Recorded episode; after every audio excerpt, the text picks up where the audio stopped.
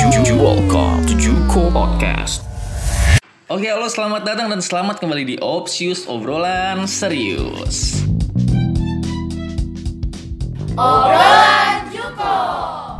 Juko. Juko. Juko. Juko. Juko. Juko. Juko.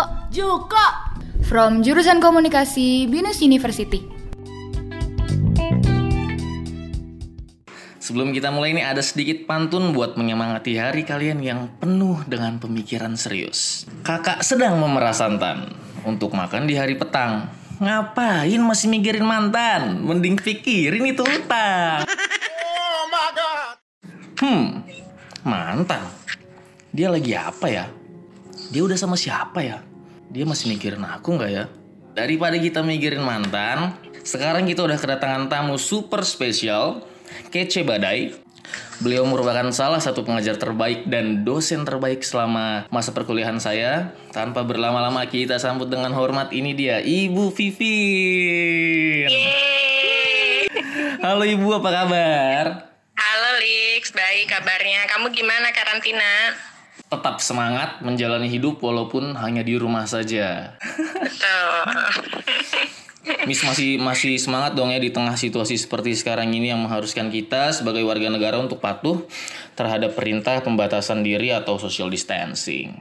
Iya, harus semangat, harus tetap semangat. Harus itu Miss. Karena dari semangat membuat diri kita menjadi optimis dan menaikkan imunitas tubuh kita untuk berperang melawan coronavirus ini. Amin, amin. Jadi gimana nih Lix? Kita mau ngobrol? Seserius apa? Kita ngobrol serius tapi nggak terlalu serius. Nah, gimana tuh Miss? Ayo. Kalau saya sih milihnya nggak terlalu serius ya. Oke, kita berarti semi serius Miss ya. Iya. Semi serius. Oke. deh. Obrolan semi serius. Obrolan semi serius. Eh, tapi Miss selain sebagai dosen itu Miss mungkin sekarang punya kesibukan apa gitu di lain selain mengajar? Saya akhir-akhir ini sedang sibuk working from home ya. Oh iya, benar benar betul sekali. Jawaban yang tepat. working from home, olahraga from home, nonton from home, semuanya from home. Betul, Itu betul, kesibukan saya lately akhir-akhir ini. Sepertinya semua orang juga memiliki kesibukan yang sama belakangan hari ini. Iya, betul sekali. Horoskop juga nandainya sama semuanya. Kalian semua sedang senang di rumah. Oke Miss, aku mau nanya sedikit nih Miss. Eh, topik kita kali ini tentang the art of doing self reflection. Asik. Jadi refleksi diri Miss karena eh, menurut saya itu refleksi diri memang terkadang sangat penting. Kita sebagai manusia ya eh, terlebih eh, terhadap situasi yang sebelumnya mungkin kita pernah eh, alami, mungkin kegagalan atau kecewa atau lain sebagainya. Menurut Miss Pivin sendiri, refleksi diri itu seperti apa sih? Refleksi diri itu kayak kita ngaca, kayak kita bercermin, Mm-mm. terus ngelihat diri kita kita sekarang kondisinya sedang apa seperti apa Hmm. eh, kurangnya kita apa lebihnya kita apa simpelnya sih refleksi diri kayak gitu Hmm, mungkin eh, biasanya Miss Vivin tuh melakukan refleksi diri pada hal seperti apa? Mungkin pada momen tertentu kah? Pada hal seperti apa gitu? nah ini yang sempat saya cerita sebelum kita tapping serius ini ya Hmm, Eh, saya bilang eh, doing nothing itu penting sebetulnya. Doing nothing itu eh, seperti kita daydreaming, kayak kita melamun. Oke. Kalau bagi saya itu waktu yang paling tepat untuk melakukan self reflection kayak gini. Eh, tanpa sadar, sekarang ini kita sedang di mana pun kita lagi nunggu, kita pasti melakukan sesuatu kan Iya. cek handphone, ngedengerin musik, Mhm. em, chatting, Mhm. apa pun lah.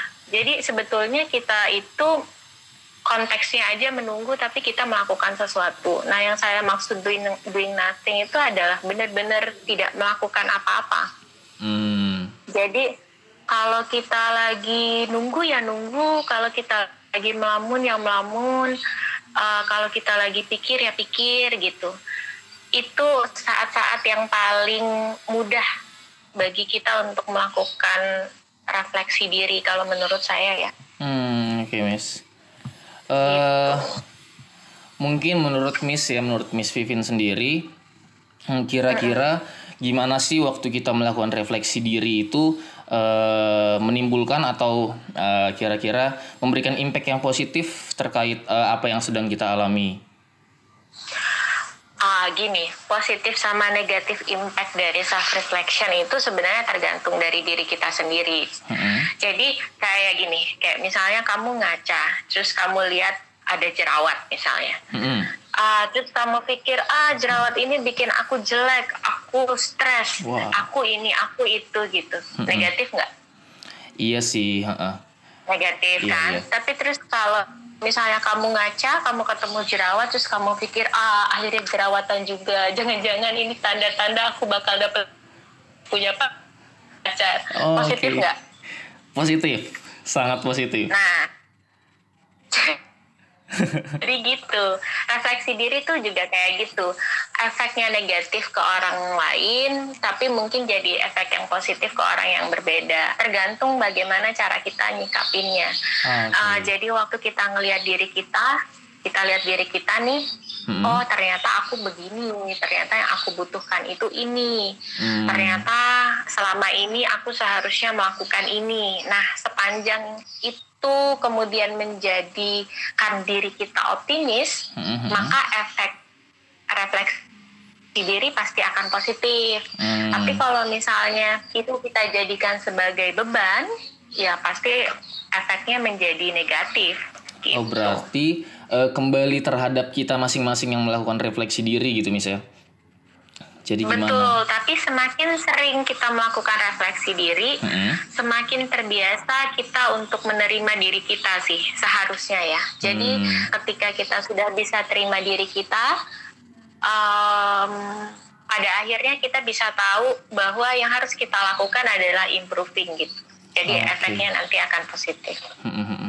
Eh, berarti refleksi diri misal Miss eh, kita eh, sedang memikirkan tentang eh, misalnya kita sedang kecewa terhadap eh, pekerjaan kita, terhadap apa yang sedang kita lakukan, tetapi eh, kita tidak memberikan impact positif eh, ataupun negatif gitu. Jadi kita cuma merasakan atau menikmati hal yang telah kita rasakan tersebut. Nah, jadi gini, pentingnya orang paham refleksi diri itu em, menurut saya ya, Mm-mm. selain kita me- me- mengevaluasi diri ya, istilahnya yang kamu Mm-mm. sebut tadi, Iya. em, yang harus kita lakukan itu harus ada tindak lanjutnya. Jadi kita mengevaluasi diri, kemudian kita doing something Oke. untuk eh, untuk apa ya sebagai mm, eh, sebagai bentuk improvisasi kita terhadap evaluasi yang sudah kita lakukan. Jadi kalau menurut saya self reflection itu nggak akan lengkap kalau kita tidak melakukan apa-apa. Hmm, tetapi apa itu eh, sesuatu hal yang mungkin eh, wajar atau eh, karena kan s- refleksi diri ini sendiri eh, tidak semua orang satu pemikiran satu pemahaman sama yang eh, seperti apa yang Miss bilang tadi gitu. Menurut Miss itu eh, sah-sah aja kah atau memang ada yang perlu diubah dari pola pikir mereka gitu? Sebenarnya ya, menurut saya eh, justru setiap orang itu harus punya pemikiran yang berbeda tentang sesuatu. Jadi jangan sampai em, kita mendefinisikan sesuatu itu hanya terpaku pada definisi orang lain Mm-mm. gitu. Jadi kalau menurut saya self reflection adalah em, connecting with my own soul gitu. Ya. Eh, eh, tapi kalau menurut kamu bukan seperti itu ya silahkan. Yang penting adalah kita berkaca, kemudian dari hasil kita berkaca itu kita bisa improve. Sebenarnya kuncinya hanya itu sih. Jadi kayak misalnya nih, saya nanya nih sama pembawa acara hari ini ya. Iya, iya. Kira-kira kalau menurut kamu sendiri itu apa refleksi diri? refleksi diri itu di mana kita mengingat eh, atau menjadikan pembelajaran masa lalu lalu kita pikirkan bagaimana kita menjadi lebih baik dari apa yang telah kita perbuat sebelumnya. Amin. Amin. Bisa Amin begitu. ya Tuhan. Amin. amin, amin bisa begitu. Jadi refleksi diri itu kamu boleh ngelihat ke masa lalu boleh, kamu ngelihat ke masa sekarang boleh. Oke. Em, terus kemudian itu bisa kamu jadikan bahan bantuan ya, bala Mhm. bantuan untuk kamu ngerancang masa depan yang lebih baik. Oke, berarti eh, kira-kira tujuan eh, atau mungkin garis besar melakukan refleksi diri itu menurut Miss Pipin apa sih? Tujuannya menurut saya sih untuk kembali ke diri kita sendiri. Jadi mungkin uh, terdengarnya sangat absurd ya. Cuman maksud saya um, setiap hari itu kita terlalu sering disibukkan um, trying to fit in uh, to our environment, terlalu sibuk untuk connect dengan orang sekitar gitu sampai kita lupa bahwa yang paling penting itu adalah connect sama diri kita sendiri. Hmm, Gitu. Em, karena menurut saya waktu kita connect dengan diri kita sendiri, kita jadi tahu pasti apa yang kita butuhin, em, apa yang sebetulnya kita rasakan, em, apa yang kita inginkan. Jadi kita mengidentifikasi diri kita sendiri. Menurut saya sih eh, yang paling penting dari self reflection itu begitu mengenal diri sendiri, connect dengan jiwa, connect dengan diri kita sendiri. Hmm, oke berarti ini buat ops user nih. Eh, lebih bagus kita mengenali diri kita terlebih dahulu, baru kita mengenal orang lebih dalam. Persis. Oke, mungkin buat eh, masa-masa remaja mungkin khususnya Miss ya buat eh, kalian nih para pendengar Opsius yang masih di tingkat eh, skala umur-umur ABG remaja. Refleksi itu bisa disebut sebagai galausitas juga nggak sih Miss? Wah, ini serius nih kayaknya. Iya. Udah pakai istilah galau sis sis sis. sis. Apalah itu. Jadi eh, refleksi diri itu sama nggak sama galau? Kalau menurut saya sih beda. Mungkin Oke. galau itu adalah tahap pertama kamu menuju refleksi diri. Karena kalau galau itu kan berarti ada sesuatu yang kamu pikir, ih kok kayaknya ini nggak benar ya, kok kayaknya Iya. ini nggak pas kan, benar kan? Iya, betul. Itu namanya galau kan, Ha-ha. gitu.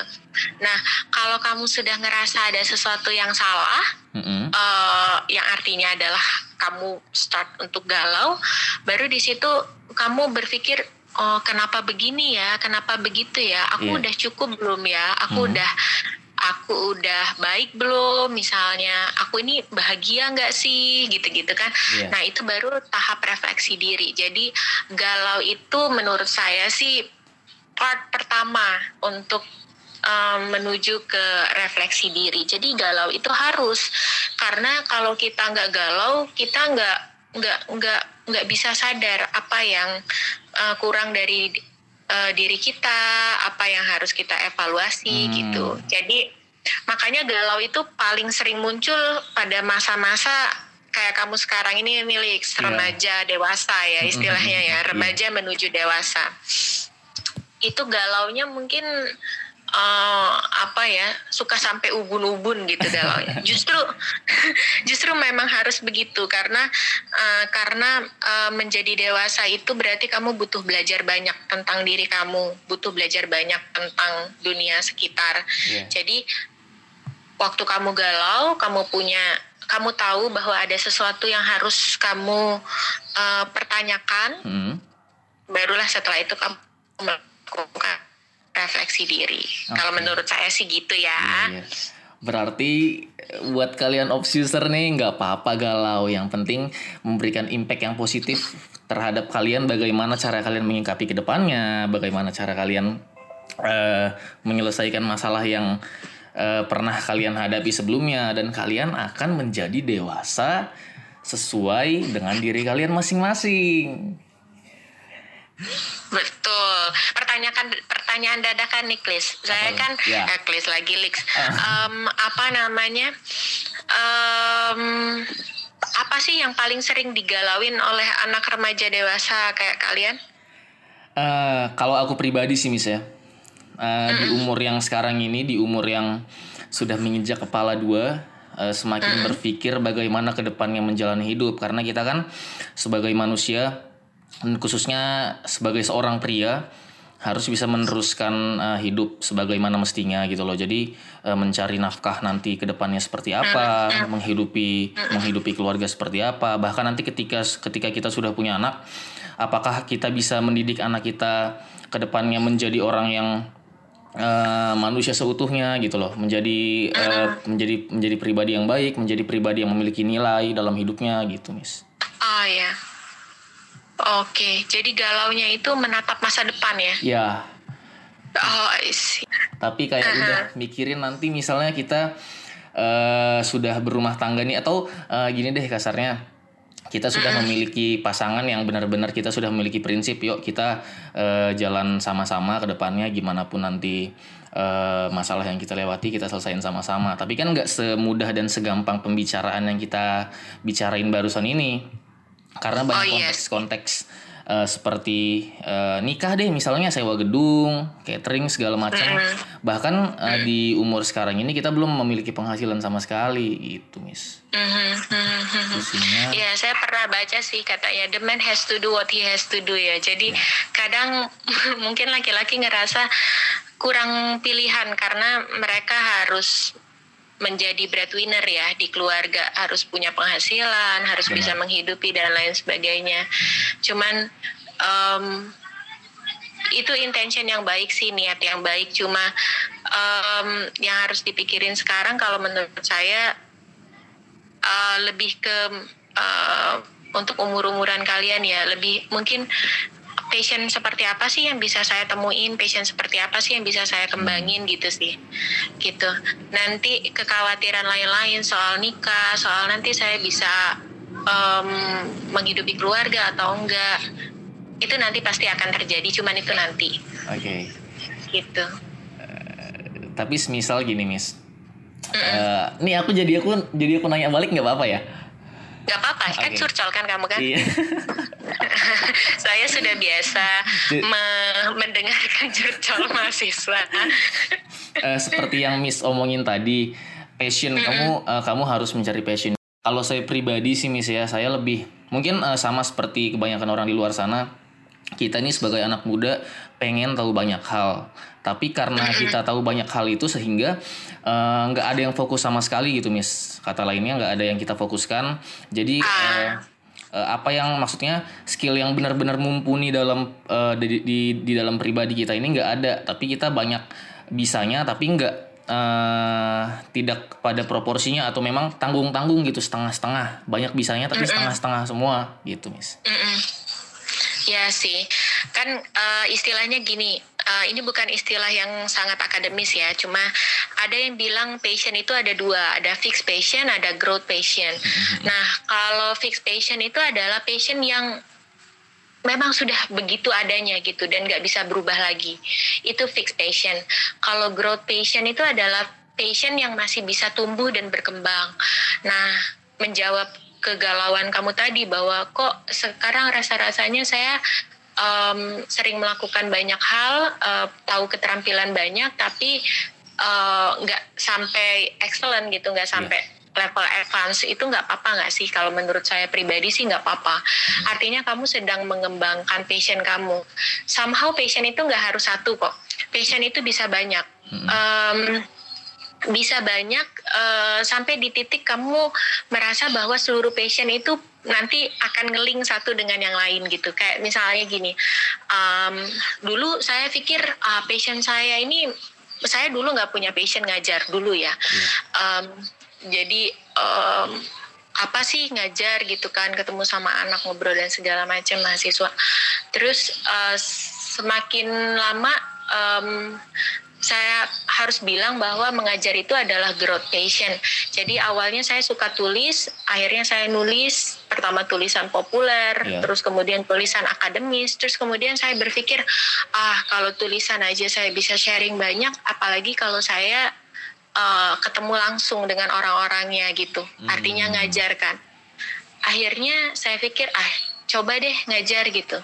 Ternyata setelah lama oh saya bisa mengidentifikasi bahwa ternyata mengajar ini adalah passion saya gitu. yang mau saya bilang adalah hmm, somehow nanti di satu titik segala yang kamu lakuin, yang kamu pikir itu adalah hobi atau yang kamu pikir itu adalah hal yang cuman sekali lewat gitu, Iya. uh, nanti di satu titik akan ketemu bahwa oh ternyata ini yang namanya passion gitu. Dan jangan lupa passion itu nggak harus satu, passion itu bisa banyak kok. Hmm. Berarti intinya nggak nggak apa-apa mencoba banyak hal karena nanti eh, secara tidak langsung dirinya akan terfilter di diri kita masing-masing ya, Miss. Persis, karena kalau kamu nggak coba banyak, kamu nggak tahu banyak. Hmm, oke oke. Kita balik ke refleksi diri lagi nih, Miss. Menurut Oke. Miss, Miss Vivin sendiri nih, mungkin adakah tempat khusus atau favorit ketika sedang ingin merefleksikan diri gitu? Sendirian gitu kan. Merenungi apa yang sedang sendirian dipikirkan. atau Iya. di tempat ramai ya. Iya. Em, karena saya cenderung introvert, menyukai eh, situasi yang sepi, Mhm. jadi lebih mudah bagi saya untuk melakukan refleksi diri di tempat yang sepi sih. Em, mungkin akan berbeda dengan orang-orang yang suka dengan keramaian ya. Ada beberapa orang yang bisa berpikir di tempat ramai, ada beberapa orang yang lebih lancar menulis di kafe yang ramai gitu. eh terkait situasi sekarang ini, Miss, adanya partikel kecil yang datang dari negeri seberang menuju ke beberapa negara dan menyebabkan terjadinya wabah virus yang disebut dengan coronavirus atau COVID-19 yang menyerang eh, ratusan ribu bahkan jutaan warga dunia. Menurut Miss, apakah ini merupakan salah satu cara Tuhan untuk memberikan ruang kepada ciptaannya untuk merefleksikan dirinya masing-masing? Hmm, kalau kita kaitkan ya, yang yang tahu kemauan Tuhan kan cuma Tuhan sendiri ya. Cuman uh, kita bisa memberikan definisi atau atau pemahaman kita tentang segala sesuatu, sepemahaman saya. Pemahaman saya COVID-19 ini semacam break time ya. Jadi kita diminta untuk break, diminta untuk melihat sesuatu yang paling dekat dengan diri kita, tapi juga yang paling sering kita abai. Um, anjuran stay at home, um, lalu kemudian mengurangi segala aktivitas yang ada di luar dan lain sebagainya. Itu seolah-olah kayak kita disuruh balik ke cangkang kita masing-masing kan gitu. Um, ya menurut saya sih ini adalah periode break untuk seluruh orang di dunia karena ini sudah berupa pandemik. Um, kita harus istirahat, istilahnya kan bumi kita juga harus istirahat. Um, banyak hal yang ternyata selama ini penting, uh, tapi kemudian kita abai, lalu kita dalam tanda kutip dipaksa untuk kembali melihat hal yang penting itu gitu. Kesehatan kita keluarga kita uh, hidup itu apa sih gitu. Kalau saya sih berpikirnya gini orang serius ataupun yang tidak terlalu serius Iya. uh, orang yang santai ataupun uh, yang tidak santai menjalani hidup menurut saya sih pasti punya pembelajaran masing-masing tentang COVID ini dan mungkin mereka akan lebih banyak belajar tentang diri mereka sendiri paling banyak mungkin di masa-masa COVID ini uh, daripada di masa-masa sebelumnya gitu. Iya. Jadi um, wabah ini uh, uh, adalah postpone break bagi kita, Hmm. uh, di mana kita ber- diharapkan, saya sih yakin kita diharapkan untuk keluar dari masa ini uh, dengan perspektif tentang hidup yang lebih baik, tentang per- uh, dengan perspektif di- diri kita yang lebih baik, gitu sih. Ya meskipun kalau kita ngomongnya sekarang dibilang berat ya berat gitu. Iya. Siapa sih yang mau stay at home gitu kan? Betul. Um, tapi saya nggak tahu kamu ya, Lex. Tapi kalau saya pribadi jadi lebih menghargai hal-hal kecil. Iya. Uh, kayak um, ternyata um, jalan kaki itu enak ya gitu. Iya. Uh, rindu hal-hal yang kayaknya waktu itu biasa-biasa aja gitu. Iya. Kayak rindu bisa makan di kantin gitu kan. Iya. rindu bisa ngobrol sama teman secara langsung hal-hal kecil yang kayaknya dulu taking for granted tapi ternyata oh, sangat meaningful kalau dipikir-pikir gitu. Hmm. Kalau saya pribadi sih, Miss, menurut saya ya, uh, dengan hadirnya COVID-19 ini di seluruh belahan dunia ini, uh, buat saya pribadi sih, ini secara langsung Tuhan menegur kita uh, sebagai ciptaannya uh, untuk uh, menjadi lebih baik lah dari sebelumnya. Karena semisal lah uh, yang tadi, kalau saya pribadi ya, saya misalnya uh, pergi gitu keluar, terus uh, misalnya dua hari tiga hari nggak nggak pulang tapi karena uh, situasi sekarang ini jadi kita diharuskan untuk di rumah berkumpul bersama keluarga mau nggak mau jadi uh, keharmonisan yang dulu sekali pernah ada Tuhan kembalikan lagi walaupun dengan cara seperti ini Betul. Bang Toyib aja pulang kayaknya gara-gara COVID. kayaknya justru Bang Toyib ngurus anaknya sekarang.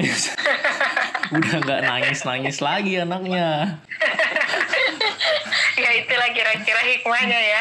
Ya cuma um, harapan saya sih dan mungkin harapan yeah. banyak orang semoga ini cepat berakhir. This too shall pass kan. Uh, badai pasti berlalu gitu. Yeah. Semoga cepat semoga cepat berakhir, Amin. tidak memakan banyak korban Amin. lagi gitu. Amin. Uh, itu menurut saya harapan terbesar dari banyak orang dan Amin paling serius di kayak, tahun ini kayak, pertama kalinya. Kayak judul lagu ya, Miss. Iya. jangan-jangan, jangan-jangan waktu Miss refleksi diri denger lagu itu. Kalau saya refleksi diri itu tampak seperti orang bengong, Lex jadi hmm, waktu-waktu untuk refleksi diri ini kita balik lagi ke sana ya. Waktu yeah. untuk refleksi diri itu sebenarnya macam-macam sih.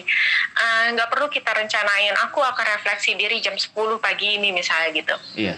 Uh, kadang-kadang saat di mana kalau saya karena saya bilang tadi saya lebih suka sendiri. Mm. Saat di mana saya sendiri nggak melakukan apa pun. Uh, itu adalah saat yang paling tepat, waktu yang paling tepat untuk melakukan refleksi diri gitu. Yeah.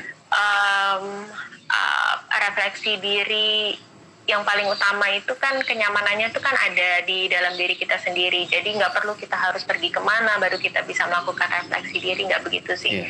Sepanjang kita sedang nyaman, sepanjang kita merasa bahwa wah ini kayaknya harus mikirin sesuatu nih gitu mungkin itulah saatnya kita melakukan refleksi diri. Oke. Okay. Oke, okay, Miss, terima kasih buat sharing-sharingnya tentang refleksi diri ini buat uh, kalian para pendengar Opsius supaya apa yang kita bicarakan kali ini memberikan pandangan terhadap kalian tentang bagaimana sih cara uh, melakukan refleksi diri yang baik atau menjadikan refleksi itu menjadi salah satu improvisasi terhadap kehidupan kita ke depannya gitu. Sekali lagi terima kasih Miss Vivin. Sama-sama Felix. Stay safe Miss di rumah. Gak usah, ke mana-mana dulu. Iya, stay safe.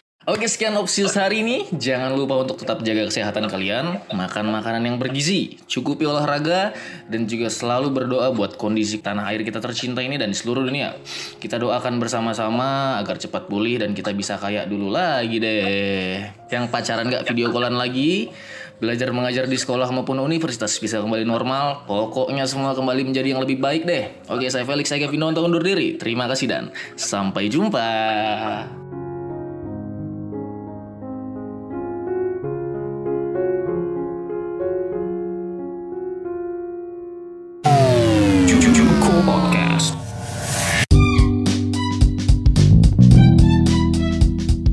From Jurusan Komunikasi Binus University.